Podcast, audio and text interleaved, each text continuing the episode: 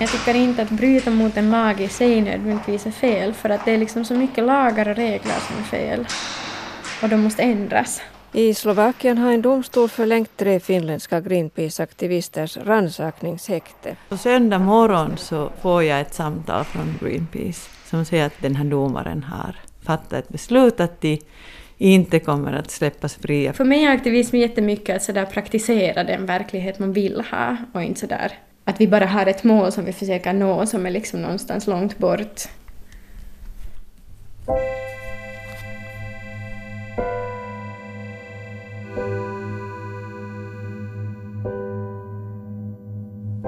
Tillsammans med elva andra aktivister från fyra länder har finländska Ina Kauranen rest till Slovakien för att ta sig in på ett område där en kolgruva och ett kolkraftverk står för Slovakiens största enskilda hälso och miljöhot.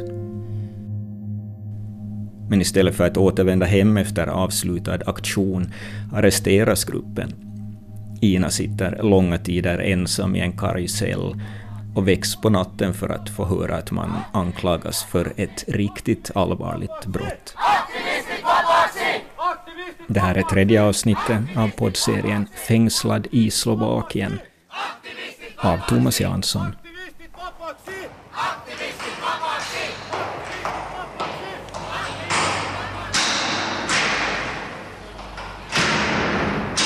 Det var liksom natten mellan torsdag och fredag så var det som det hände liksom mest egentligen för oss och det var då som vi fick mest sådär information om att det här är faktiskt allvarligt.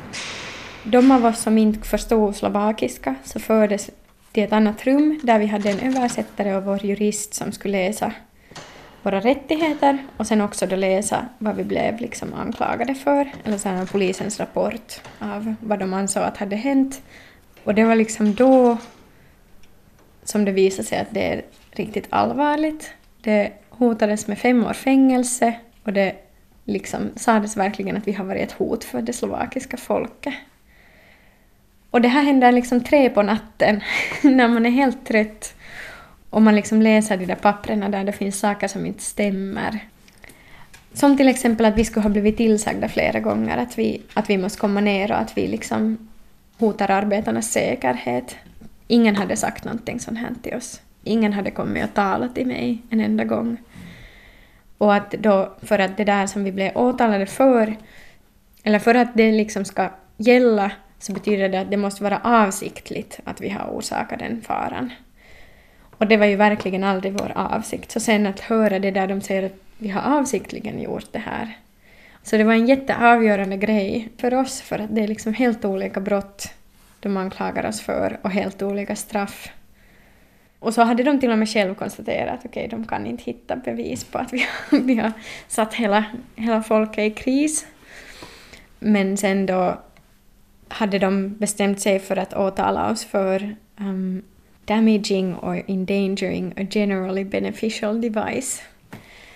Som då, det finns en sån här lag om att, att det finns någon sorts verktyg eller platser, jag vet inte exakt vad allt det kan innefatta, som anses vara liksom allmännyttiga för Slovakien. Och de ansåg då att den här kolgruvan var en sån och att vi hade liksom orsakat fara för den och därmed orsakat fara för hela slovakiska folket. Nu erbjuds aktivisterna en så kallad fast trail, ett sätt att snabbt få en dom fastslagen. Moroten är att man då inte ska behöva vänta i obestämd tid på en rättegång. Men aktivisterna och deras slovakiska advokat misstänker att de lokala myndigheterna inte är neutrala. Det talas om att någon på åklagarkontoret är gift med någon från gruvan som var målet för aktionen. Därför ansöker man om att fallet ska flyttas bort från de lokala myndigheterna. Det här provocerade polisen och åklagaren så mycket att de sen sa att, att om vi går vidare med den här motionen så kommer de att ta bort den här möjligheten med att vi får vara i en fast trial. Men vi valde då att liksom ändå gå vidare med den här motionen för det kändes som att vi kommer ju inte att få en... helt klart får vi inte en rättvis behandling om vi är här. Och då gick det då alltså vidare med att, att åklagaren ville att vi skulle hållas häktade sen då tills den här domen kommer och det kunde då ta många månader. Mm. Och sen på söndag morgon så kom det då fram att vi inte liksom kommer att bli fria. Våra jurister var otroligt besvikna och överraskade att det kunde gå så här. Och de sa att egentligen har de fem dagar tid att behandla vår överklagan över det här beslutet men att i verkligheten tar det tre till fyra veckor. Och då var det här ju i början av december. Så då blev det igen sådär att okej, okay, nu nästa tidsetapp är liksom då tre till fyra veckor, alltså kanske till början av januari. Det var så här att vi, vi fick veta att, att ja, det behandlas ännu ikväll, då var det fredag redan. Och vi visste att okej, okay, nu har de suttit där i tre dagar, men, men, men den där liksom, domaren behandlade ikväll. Okej, nu flyttas de någon annanstans. Och imorgon fattas det beslut. Imorgon får de säkert komma ut. Så att på söndag morgon så, så får jag ett samtal från Sini Harki på Greenpeace som säger att, att tyvärr att nu visar det sig att, att den här domaren har fattat ett beslut att de inte kommer att släppas fria för den här undersökningstiden. Så det var inte egentligen det där fem års fängelse som jag någonsin ens tänkte på. Det var mera det där att måste vänta på rättegång där. Att är de fängslade under en obestämd tid tills det blir rättegång. Det var det, det, var det som kändes så o, o, otänkbart hemskt.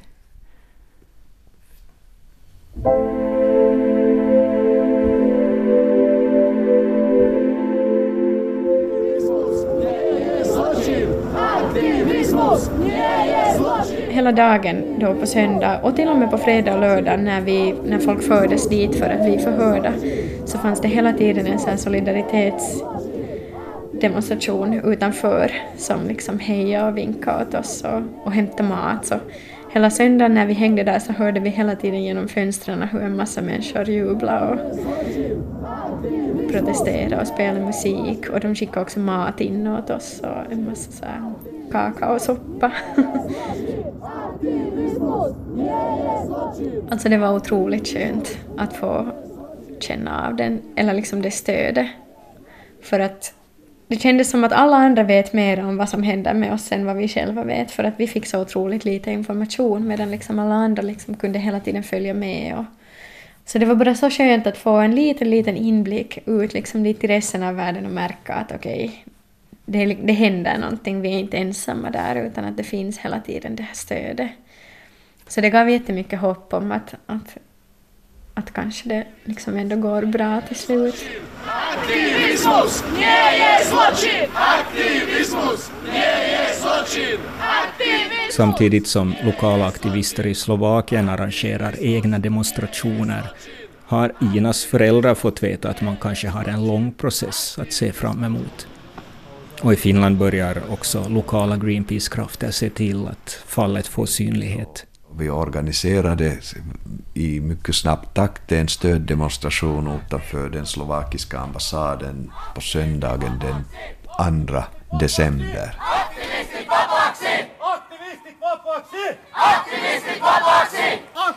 He ovat tosiaan edelleen tutkintavankeudessa, kuten slovakialainen paikallisoikeus tänään määräsi. Tällä hetkellä nyt sitten... I en live-kommentar under demonstrationen konstaterar Juha Aroma från Greenpeace Finland att det bara är i Slovakien som myndigheterna bestämde sig för att fängsla aktivisterna. Liknande protester i Polen och Spanien hade inte lett till några följder. Samaan aikaan on ollut mielenosoituksia myös Puolassa ja Espanjassa, mutta nyt täällä Slovakiassa sitten viranomaiset päättivät ottaa tämän tapaiset keinot käyttöön, niin tämän mielenilmauksen I Slovakien har en domstol förlängt tre finländska Greenpeace-aktivisters rannsakningshäkte. Aktivisterna ska vara häktade ända tills rättegången börjar men det är inte klart när den kan inledas. Tolv aktivister greps i onsdags i Novaki där de hängde upp en banderoll som motsätter sig kolkraft i tornet. På en... Överhuvudtaget hela den här upplevelsen var sån att, att det här är overkligt, att det händer inte oss. Men inte handlar det ju så mycket om mig och vad jag skulle göra, utan det är att hur mår hon? Hur kan de klara av ett sånt här budskap när de har... Att de, att de lever i den där tron att det är fråga om timmar. Och sen var det fråga om dagar. Och sen skulle de orka vänta till söndagen, för att då blir det nog i alla fall klart. Och så får de höra att nej, det kan vara minst tre månader, men kanske ett halvt år. Och, jag tycker inte att jag överdriver om. Jag, min första oro är, är den där att klarar de psykiskt en sån väntetid? Hur är de här omständigheterna på det där fängelset?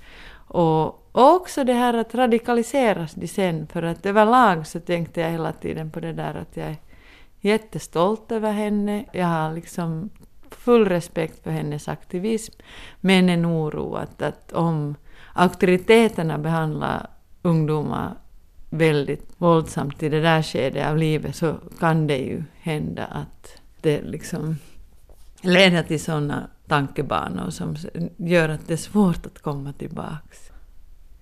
Men det kanske liksom en, en av de här eh, riktigt konstiga upplevelserna var att den här juristen som var den enda som fick besöka dem, så det var Greenpeace-jurist som fick besöka dem på fängelset på söndagen när de inte alls visste vad som skulle hända. Så han fick ju inte smuggla ut något brev, men de hade fått skriva några hälsningar på någon lapp som han sen fotade. Och jag fick då från Greenpeace ett foto på Inas brev. Och det var så hemskt och vackert och, och liksom gripande. Någonting sånt här som att hej mamma, jag hoppas du inte är orolig. Liksom helt vanliga ord. Men just i den situationen så var det så här att jag, jag kan inte förstå att jag får det här brevet från mitt barn. Från några grymma omständigheter i Slovakien. Ja.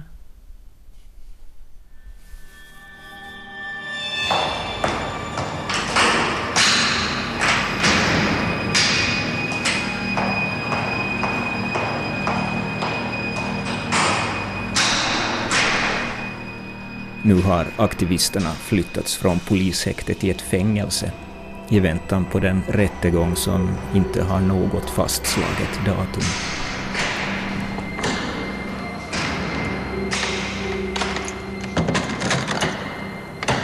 Fängelset hade tidigare varit ett gammalt koncentrationsläger under andra världskriget som sen har förvandlats till fängelse, vilket kan ha någon viss symbolik eller inte.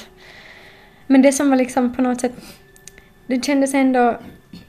Det var ett fängelse och att det är liksom en massa människor som har gått igenom det här stället och sen då haft olika sorters liksom berättelser, men sådär att man kunde... Väggarna och liksom sängbottnen var så här fulla med en massa sådär signaturer och små meddelanden och, och liksom årtal som gick tillbaka till 90-talet eller sådär liksom jag kände jättestarkt att det är liksom en massa människor som har gått igenom här och att det är liksom så...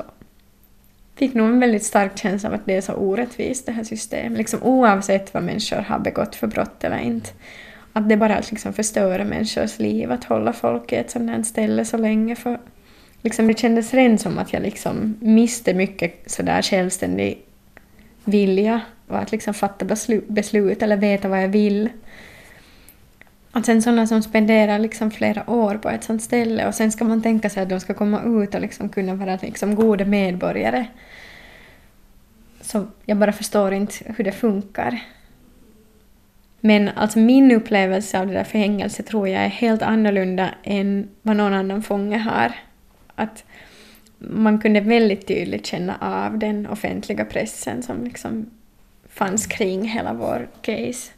För att det, det hade ju liksom börjat vara politiker och till och med presidenten som började tala för oss och tycka att det är konstigt att vi är liksom fortfarande häktade och ja.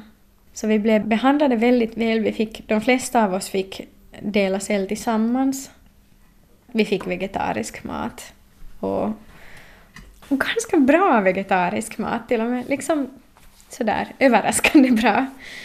Så sen ändå liksom när vi kom till fängelse så var det ändå samtidigt sådär att vi hade ordentliga sängar, vi fick rena kläder första gången, vilket var alldeles...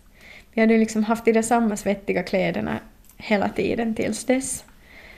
Man kunde duscha första gången på flera dagar och, och man liksom fick, en, fick en bok med de där reglerna, så man visste liksom hur det skulle vara. Så det kändes sådär ändå att, att även om det var helt pissigt att måste vara där, så kändes det att okej, okay, jag kan liksom nu börja förbereda mig för hur det är. Man var inte i ett så här konstant läge av att bara vänta och inte ha någon aning om vad som kommer att hända.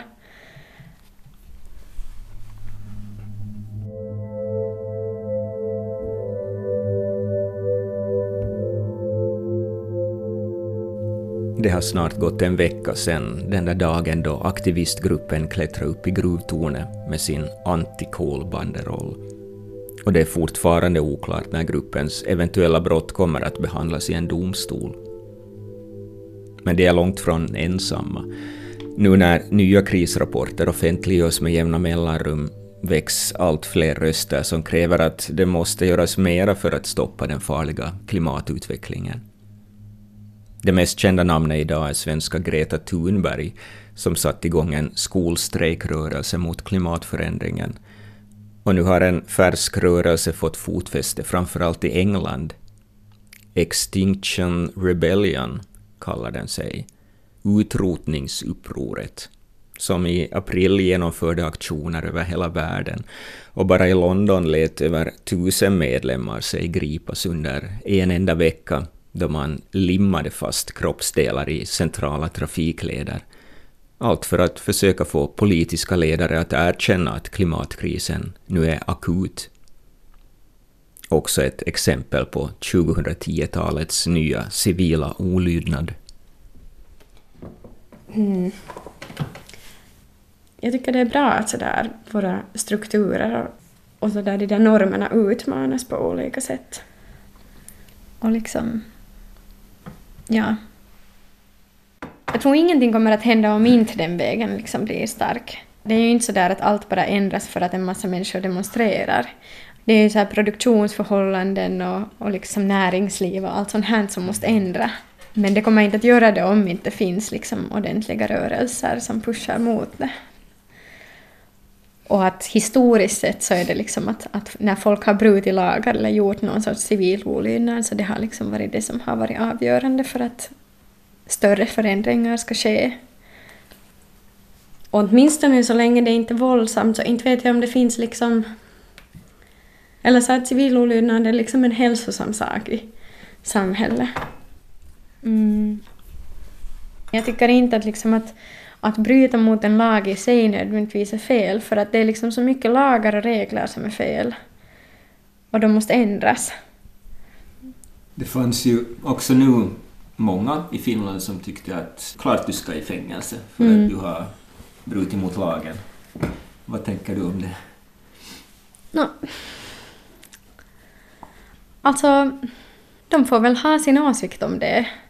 Men jag tycker att Ja, jag tänker mig att det är lätt att ha den åsikten när man är i en position där man bemöter hemskt lite problem eller där man inte vill konfrontera de problemen vi har.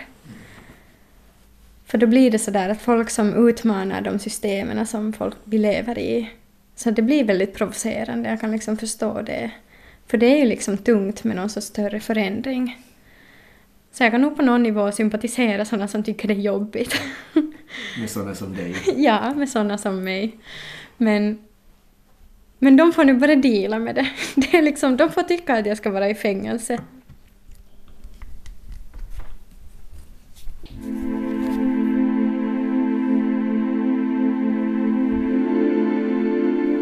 Det här var del tre av poddserien Fängslad i Slovakien, som avslutas med att Ina Kauranen och gruppen börjar planera hur man ska fira jul tillsammans i ett fängelse långt borta hemifrån.